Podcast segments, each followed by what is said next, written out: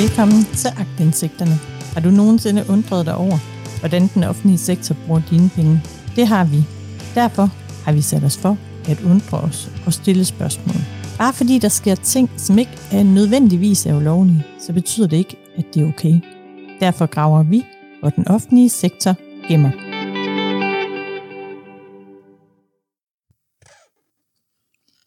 Velkommen til Agtindsigterne. Podcasten, der graver dybt i den offentlige forvaltning. Jeg er din vært, Rikke Gårdbo, og efter en længere pause, så er vi tilbage. Klar til at udforske de hemmeligheder, som den offentlige sektor forsøger at skjule.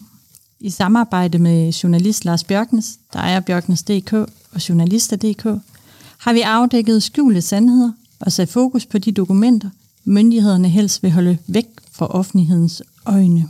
Fundamentet for vores journalistik er agtindsigter. I denne podcast vil vi udforske den magt, du har som borger til at kræve indsigt i offentlige dokumenter og register. Alt for ofte møder vi modstand fra myndighederne, der ikke er glade for, at vi graver i deres sager. Nogle kommuner bruger endda snedige tricks og henviser til ikke eksisterende EU-direktiver eller opfinder lovgivning, som aldrig har set dagens lys.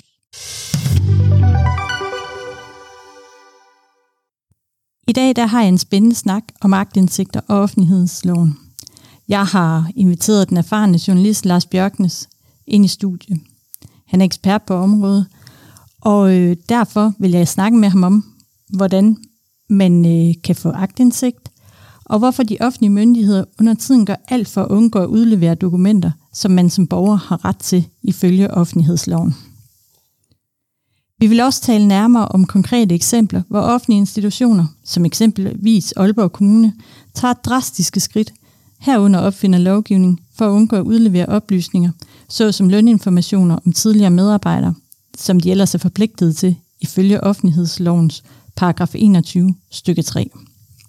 Men øh, først og fremmest så vil jeg sige velkommen til Lars Bjørknes, og indledningsvis så har jeg faktisk spurgt ham om, hvad de største historier er, han har lavet baseret på agtindsigter. Jamen, så skal vi nok helt tilbage til, til 2009, da der var valg på, på Grønland, hvor at øh, jeg var en, det, det var mine, hvad skal man sige, mine afsløringer, der gjorde, at en, en daværende grønlandsk avis, øh, den kunne øh, dokumentere et, et ekstremt misbrug af, af skatteydernes penge øh, blandt den grønlandske top. Det var første gang, at øh, Simut tabte et valg på, på Grønland. Det var tilbage i 2009, og det var det, der kom til at hedde øh, sneskredsvalget, blandt andet dokumenteret via øh, jamen familie, familiefester i, øh, i Tivoli var noget af det. Øh, nogle meget, meget mærkelige rejser rundt omkring i verden øh, for, for den grønlandske top, som samtidig med, at de, de lå rejstjorden rundt på, hvad der sådan lidt lignede rockstjerne maner, jamen så havde de ikke rigtig, ifølge dem selv i hvert fald, penge i budgetterne til at, at hjælpe dem, der, der virkelig havde brug for, for hjælp i det grønlandske samfund. Ja, konsekvenserne ved at give agtindstik kan være store for de offentlige myndigheder. Og øh, til dem af os, der ikke kan huske sneskrevsvalget fra 2009, så oplevede den tidligere magtfulde landstyreformand Hans Enoksen ved Siamut-partiet en betydelig nedtur. Til trods for, at han tidligere har haft stor indflydelse og var landsfader, så fik Enoksen kun 91 personlige stemmer. Og det var faktisk ikke engang nok til at sikre ham en plads i det grønlandske landsting. Det der markerede en historisk nederlag for Siamut, der efter tre årtier på det tidspunkt ved magten mistede regeringsmagten til det venstreorienterede IA-parti. Lederen af IA-partiet vandt en overvældende sejr og blev den fjerde landstyreformand i Grønlands historie siden 1979. Nederlag for Siamut blev betegnet som resultat af både politiske skandaler, parentes bemærket, dem Lars Bjørknes havde gravet frem, samt et ønske om forandring blandt de grønlandske vælgere. Med Klejs sejr markeres også en ny ære, hvor Siamunut Nut og den tidligere leder, som Hans Enoksen, blev skubbet ud af magten. Den øh, daværende landstyrformand for IA afviste at samarbejde med Siamut og åbnede døren for at samarbejde med andre borgerlige partier. Denne politiske omvæltning i 2009 markerede et skift i Grønlands politiske landskab og indvarslede begyndelsen på en ny regeringsperiode under Kubik Kleis lederskab. Men det er altså ikke bare i Grønland, hvor det hele startede. Lars Bjørknes agtindsigter har fået store konsekvenser. Det har det også i Danmark. Forskellen på Danmark i forhold til, til, til, til Grønlands historien er, at Grønland, eller Danmark er det mere de, de, de små ting, øh, der flytter. For eksempel er der tidligere, for at tage et, et aktuelt eksempel, øh, der er tidligere brugt mange penge på at rejse til, øh, til, til konferencer i, øh, i Frankrig, øh, i, i Nice, og det er også et hyggeligt sted, når det er, hvor solen ligger øh, de her konferencer også altid på et tidspunkt, hvor det er lidt koldt, sådan lidt, lidt i Danmark. Øh, og der er man holdt op med at rejse ned øh, nu, øh, og det er jo det er så ikke kun min skyld, kan man sige, men, men det synes det flytter alligevel noget, når man ved, at hvis man eksempelvis tager ud og rejser, ikke kun når man rejser, men hvis man eksempelvis tager ud og rejser, jamen så er der faktisk nogen, der følger med i, hvordan man bruger pengene, øh, og man risikerer også bagefter at, at skulle stå til regnskab for det lokalt. Så man kan sige, det, der hvor effekten er, er størst, det er, øh, jamen, det er typisk lokalt, øh, fordi man som eksempelvis øh, byrådsmedlem, så er man godt klar over, at, at det kunne godt være, at der var nogen, der fulgte med, øh, og det havde man ikke lyst til, at der var, hvis nu det var sådan, man øh, lavede noget skidt, så det har en, en, det har en helt klar en, en, en præventiv effekt, som, som ikke i al ubeskedenhed formentlig ikke var der i samme omfang som, som før journalister. Både journalist Lars Bjørknes fra Bjørknes.dk og journalister.dk og agtindsigteren har flere gange kastet lys over, hvordan man i den offentlige sektor bruger pengene. En fællesnævner blandt begge medier er, at øh, vi begge har kigget på de berygtede MIPIM-konferencer i Nice. Her har kommuner som blandt andet København og Aalborg været nede til en stor konference. I Aalborg blev øh, delegationen indført af den tidligere borgmester Thomas Kastrup Larsen i spidsen, og her blev der brugt astronomiske summer på bare få år. Vi taler om svimlende 1,6 millioner kroner for at deltage i disse konferencer. Og øh, lad os ikke glemme den mediestorm, der opstod for et par år siden. Og det endte faktisk med, at den daværende stadsarkitekt udtalte, at tiden var løbet fra den slags rejser. Og siden agtindsigteren afslørede, hvor mange penge Aalborg Kommune brugte på de her MIPIM-rejser, der har de ikke sat kursen mod Frankrig siden.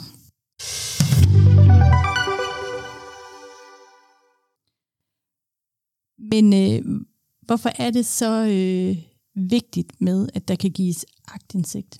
Og det er lige præcis her, det bliver interessant. Fordi når borgere og medier begynder at grave og kræve agtindsigt, så er det, at de skjulte sandheder, de kommer frem. Og det kan få enorme konsekvenser for kommuner. Og her fortæller Lars Bjørknes om, hvordan den offentlige sektor ofte prøver at undgå at afsløre de her akter. Altså en af de klassiske, det er øh, det, det, man kalder for privatlivets fred øh, og, og, og erhvervshemmeligheder. Øh, det kan for eksempel være, hvis en, øh, en kommune øh, ikke mener, at man skal udlevere ting, fordi man har fået en, øh, en virksomhed til at levere forskellige øh, ydelser, og, øh, og den virksomhed ønsker ikke, at, at de her priser skal være offentligt tilgængelige, eller i praksis er det faktisk typisk kommunerne, der uden at spørge øh, øh, virksomhederne beslutter, at, at det her kommunernes, øh, ja, altså, at det her kommunernes leverandør ikke lyst til skal være skal være noget, man, øh, man sådan kan finde andre steder. Øh, og det gør de typisk i den situation, hvor de godt er klar over, at, at der kan være noget, som måske ikke ser, ser vanvittigt godt ud. Så beslutter man så på vegne af nogle andre, at øh, ja, deres priser skal så, så ikke udleveres, fordi det, det, det synes man ikke. Og problemet for kommunerne i den sammenhæng er, at den, den bestemmelse, man henviser til, øh, offentlighedslovens 30, øh, godt nok omhandler de her ting, men, men slet ikke på den måde, som, som kommunerne øh, normalt gør. Øh, et godt eksempel, et aktuelt eksempel er en, en kommunaldirektør, øh, tidligere kommunaldirektør, for eksempel for Aalborg, som øh, nu driver et, øh, et, et HR-firma, øh, hvor en headhunter, eller ansat i et HR-firma, der headhunter blandt medarbejdere til øh, Aalborg Kommune. Øh, og der virker det lidt mærkeligt, at øh, Aalborg Kommune simpelthen ansætter ham til det direkte, lige efter han er gået ud døren som, som kommunaldirektør.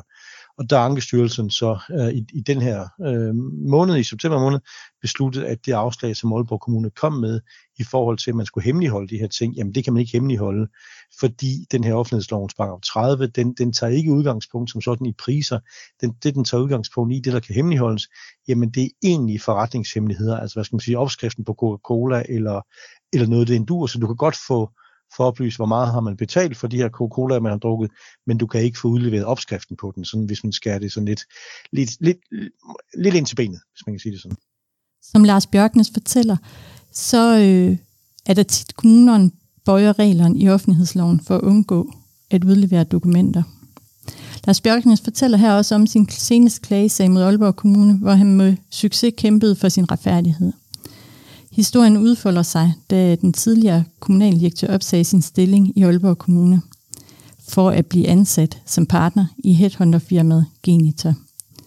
Det her firma det stod bag rekrutteringen af flere af nøglepositionerne i Aalborg Kommune, og derfor vækkede det Lars Bjørkens interesse, og han ville grave videre i, hvad relationen var mellem Aalborg Kommune og Genita. Men øh, Aalborg Kommune nægtede at udlevere de dokumenter, som var relateret til Geniker, og som Lars han havde efterspurgt. Og nu har Ankestyrelsen givet ham ret i, at Aalborg Kommune skal udlevere de her dokumenter. Men det er ikke et enestående tilfælde. Lars Bjørknes deler her flere lignende historier, der kaster lys over den skumle praksis, hvor kommunerne i den grad ofte gradbøjer loven. Ja, altså, det, øh, altså man, man, man kan sige, at Aalborg Kommune ser ud som om, at de er i stand til øh, at opfinde deres egen øh, lovgivning, i hvert fald, i hvert fald øh, jurister ansat i Aalborg Kommune opfinder simpelthen deres, deres egen lovgivning. Øh, det har vi et aktuelt eksempel med nu øh, i relation til en, øh, en jurist øh, i, øh, i, i, i børne- og ungeforvaltningen i, øh, i Aalborg Kommune, som øh, mener, at en, en EU-lovgivning er blevet implementeret i dansk lovgivning. Øh, og det er den så ikke, og spørgsmålet er for det første jo så, i hvilken form at den her lovgivning, den, øh, den bliver implementeret. Det ved man først omkring 2026. Men, men der sidder altså en, en jurist oppe i, i Aalborg Kommune, som øh, mener, at hun ved, hvordan en, en lovgivning, som ingen andre rigtig ved, hvordan præcis kommer til at se ud, jamen det, det ved hun allerede nu, og derfor kan hun ifølge hendes egen opfattelse så godt give et afslag på en aktindsigt øh, i baggrund, med, med, med baggrund i en lovgivning, som, som ikke findes. Og når man så fanger hende i det, jamen så kommer der, det er også en anden typisk, øh, jeg vil sige, det er jo ikke kun Aalborg, det er også, det, det, det, det er også andre steder, øh, at så laver man sin helt egen fortolkning af, hvordan en bestemmelse skal læses. Øh, hendes seneste fortolkning er, at øh, lønoplysninger, som er offentligt tilgængelige, jamen det er ikke nogen, man kan få fra tidligere medarbejdere. Så i, efter hendes opfattelse, så, så snart man er gået ud af døren, øh, jamen så øh, er det ikke længere noget, offentligheden kan få at vide, hvad den pågældende øh, medarbejder har tjent. Øh, og det vil jo, for det, for det første er det, øh, er det juridisk anvendelse på et punkt, hvor hvis, hvis jeg skal være lidt, lidt arrogant og lidt, lidt, lidt småt træls at høre på, så er jeg faktisk i tvivl om, hun virkelig også er jurist, den kære Tine, som hun hedder. Øh, fordi det er så, det, det er så dårligt juridisk håndværk, at, at det kræver simpelthen bare et opslag i, i den bestemmelse i offentlighedslovens, øh, den del, der, der handler om, hvad har man krav på for at vide om offentlige ansatte, til at man kunne få udleveret det. Øh, så, så hendes, hendes nye årsag til afslag, jamen det er så, at det er en tidligere medarbejder, og derfor kan man ikke give, give agtindsigt i, i, i lønforhold for den pågældende medarbejder. Og øh, altså, øh, så, så er vi derhen, hvor at, at øh, man skal man sige, man træffer en beslutning på forhånd om, at man ikke vil udlevere noget, og så bagefter, så forsøger man så at finde nogle juridiske argumenter eller mangler sammen på, hvorfor det ikke skal ske. Øh, den, den her aktuelle Folborg er, øh, jeg vil sige, den, den tager præmien i år, nu er der selvfølgelig lige, der, der er tre måneder tilbage i år, så det kan jo sagtens nå at ændre sig. Øh, men, men forløbig, der fører den i år, vil jeg sige. Øh, men det sker fra tid til anden, at, at kommuner simpelthen henviser til lovgivning, som de gør i, i, i den her situation, der ikke eksisterer. Øh, en anden klassiker er, at man henviser til, øh, til det, man kalder litteraturen og praksis, det er også en dejligt bredt begreb, øh, uden at fortælle, hvad er litteraturen og praksis. Det øh, har simpelthen aktuelt været en, en jurist i, øh, i Sydjords Kommune, der har, der har henvist til. Øh, og når man så spørger mere ind til det, så vil jeg sige, at jeg kan næsten allerede nu gætte mig til, hvad hun, hvad hun svarer. Så finder hun en eller anden side i en, øh, en bog, som er skrevet af en, en nuværende landsholdsdommer, landsdommer hedder undskyld, øh, i forhold til, hvad der skal udleveres, og hvad der ikke skal udleveres af agtindsigter. Øh, og så er vi tilbage den her ved, at det ser ud som om, at man af en eller anden årsag siger, at det, de her oplysninger, dem, dem skal offentligheden ikke have, have adgang til.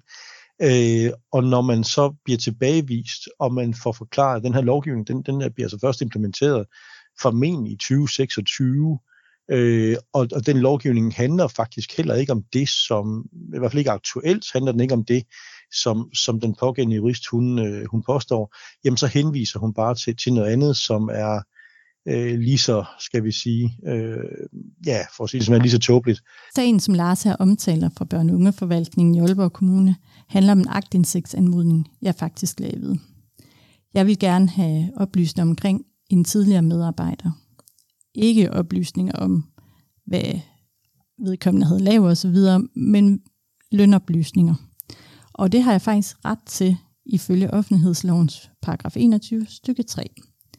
Den paragraf giver nemlig ret til agtindsigt i oplysninger omkring ansattes navn, stilling, uddannelse, arbejdsopgaver, lønforhold og tjenesterejser. Så jeg regnede selvfølgelig med, at øh, jeg ville få ret i min agtindsigt. Men overraskende så modtager jeg et brev fra Aalborg Kommune. Og den pågældende jurist, hun hævder, at øh, på grund af EU's direktiv omkring løntransparens, så kan de ikke udlevere oplysningerne. Og så beder jeg selvfølgelig om henvisning til, hvilke øh, artikelnummer det drejer sig om, men der modtager jeg ikke et klart svar. Og nu kan jeg jo huske fra min studietid, at sådan nogle EU-direktiver, de skal faktisk implementeres i dansk lovgivning. Så derfor skriver jeg til Folketinget og spørger, om det her øh, direktiv omkring løntransparens er indarbejdet i den danske lovgivning. Og det svarer Folketinget klart nej til. Det har de faktisk til 2026 til at gøre. Så det gør jeg selvfølgelig Aalborg Kommune opmærksom på. Så øh, kommer der en afgørelse fra Aalborg Kommune, efter at jeg så har sagt, at det her direktiv det er slet ikke indarbejdet i dansk ret, og man kan ikke øh, afgøre øh, en aktindsigt ud fra det her direktiv. Og så kommer Aalborg Kommune efter med henvisning til offentlighedslovens paragraf 21 stykke 3, at jeg ikke kan få agtindsigt i de her lønoplysninger, selvom også der står det modsatte i loven. Det, jeg synes, der er bemærkelsesværdigt, det er, at kommunerne til synlædende ignorerer gældende lovgivning. Og som Lars Bjørknes her vil forklare, så har det faktisk ikke nogen konsekvenser for kommunerne, når de bare ignorerer lovgivningen. Øh, jamen, som udgangspunkt er det free lunch. Øh, som udgangspunkt kan den samme, ligesom i, i, i Jens Krav Mikkelsen-sagen, øh, den samme sagsspænder kan sidde og, og, og bare sige nej igen øh, fra, fra nu af til evigheden. Det eneste, og det er lidt træls, man altid skal være den sure, men, men det er lidt det, der er det eneste, der faktisk ser ud til at virke, det er ved at offentliggøre navnene på de medarbejdere rundt omkring i øh, styrelser, kommuner, øh, regioner, øh, ministerier, som, øh, som sidder og træffer de her afgørelser, øh, som er helt håbløse. Statsministeriet, det er et godt eksempel øh, i forbindelse med, med, med Barbara Bertelsen og, og Mette Frederiksen skandaler omkring Mink. Øh, der sad der øh, to medarbejdere øh, konsekvent og, og, og nægtede at, øh, at udlevere øh, oplysninger, som de var forpligtet til.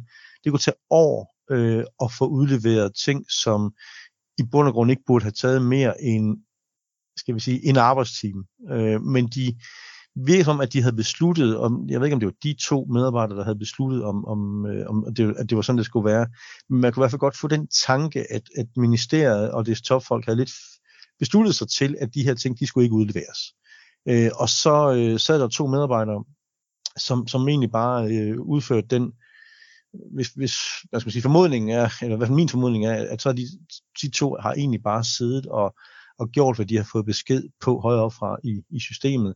Det, der virkede, det var, at jeg gik ind og offentliggjorde navnene på de to. Og det træls at skulle være sur, og det træls at skulle, hvad skal man sige, dokumentere forløb på den måde, men til synderne er det den eneste måde, der virker aktuelt, når man skal igennem de her 4-5 klagesager, eller øh, statsministeriets helt, helt bevi- til synderne bevidste øh, måde at, og, og være ligeglad med, med reglerne på, jamen det er ved at, øh, hvad skal man sige, berettiget, og kun berettiget, øh, offentliggøre navne i sådan nogle situationer. Jeg synes, jeg, jeg, jeg synes ikke, man skal offentliggøre navne i situationer, hvor det er, hvad skal man sige, almindeligt. Vi laver alle sammen fejl, og hvis det er en almindelig fejl, jamen så, så kan den jo rettes. Men, men der, hvor der hvor problemet opstår, det er, hvis det helt systematisk ser ud til at være noget, som øh, man har besluttet, at man vil være ligeglad med reglerne. Så det eneste, der ser ud til at virke, jamen det er en, en reel og en, en, hvad man kan kalde for en, en lojal offentliggørelse af forløbet, øh, inklusive navnene på de, øh, på de to medarbejdere, øh, i, i, som eksempelvis var i statsministeriet, eller de implicerede medarbejdere i det hele taget. Ja, øh, lige til sidste spørgsmål. Er der, altså i den tid, du har søgt agtindsigt, det er efterhånden en del år, er der så, øh, har det så ændret sig, hvordan kommunerne reagerer på dine agtindsigtsanmodninger, både i form af hastighed, hvornår de bliver udleveret, men også i form af, af begrundelser for, for afslag?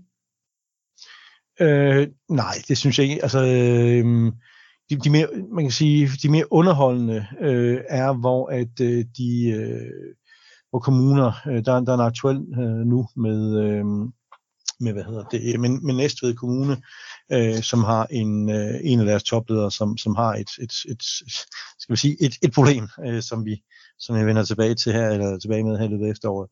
Øh, men der ignorerer man simpelthen henvendelser. Øh, og det er der også metoder på, hvordan man, hvordan man kommer omkring dem. Øh, hvordan man får, får, får det udleveret. Jørgen Kommune er et andet godt eksempel. Jørgen Kommune, som øh, virkelig havde problemer for en ja, 4-5 år siden, må det være efterhånden. Øh, og de øh, til sydlandene så det ud som om, at de havde blokeret alle øh, de henvendelser, som de fik fra, fra mit domænenavn. Øh, de, var, de var lige pludselig, de var simpelthen øh, på en eller anden mystisk, mystisk måde, hvis jeg havde sendt en, en mail fra snablag.dk, jamen så forsvandt den mail simpelthen i deres system, og så kan man sige, det er jo en nem måde at, at finde ud af det på, øh, fordi så kan man jo bare sende for et andet domænenavn. Øh, større er det problem jo ikke, kan man sige, men, men, men ellers så nej, altså det, det er stadigvæk offentlighedslovens paragraf 30, som der er en, en, en udbredt øh, misforståelse omkring, det er øh, manglende overholdelse af fremsendelsesfrister, som for eksempel øh, statsministeriet øh, og så er det øh, ligegyldighed med, med afgørelser, der er truffet af, af Ankestyrelsen.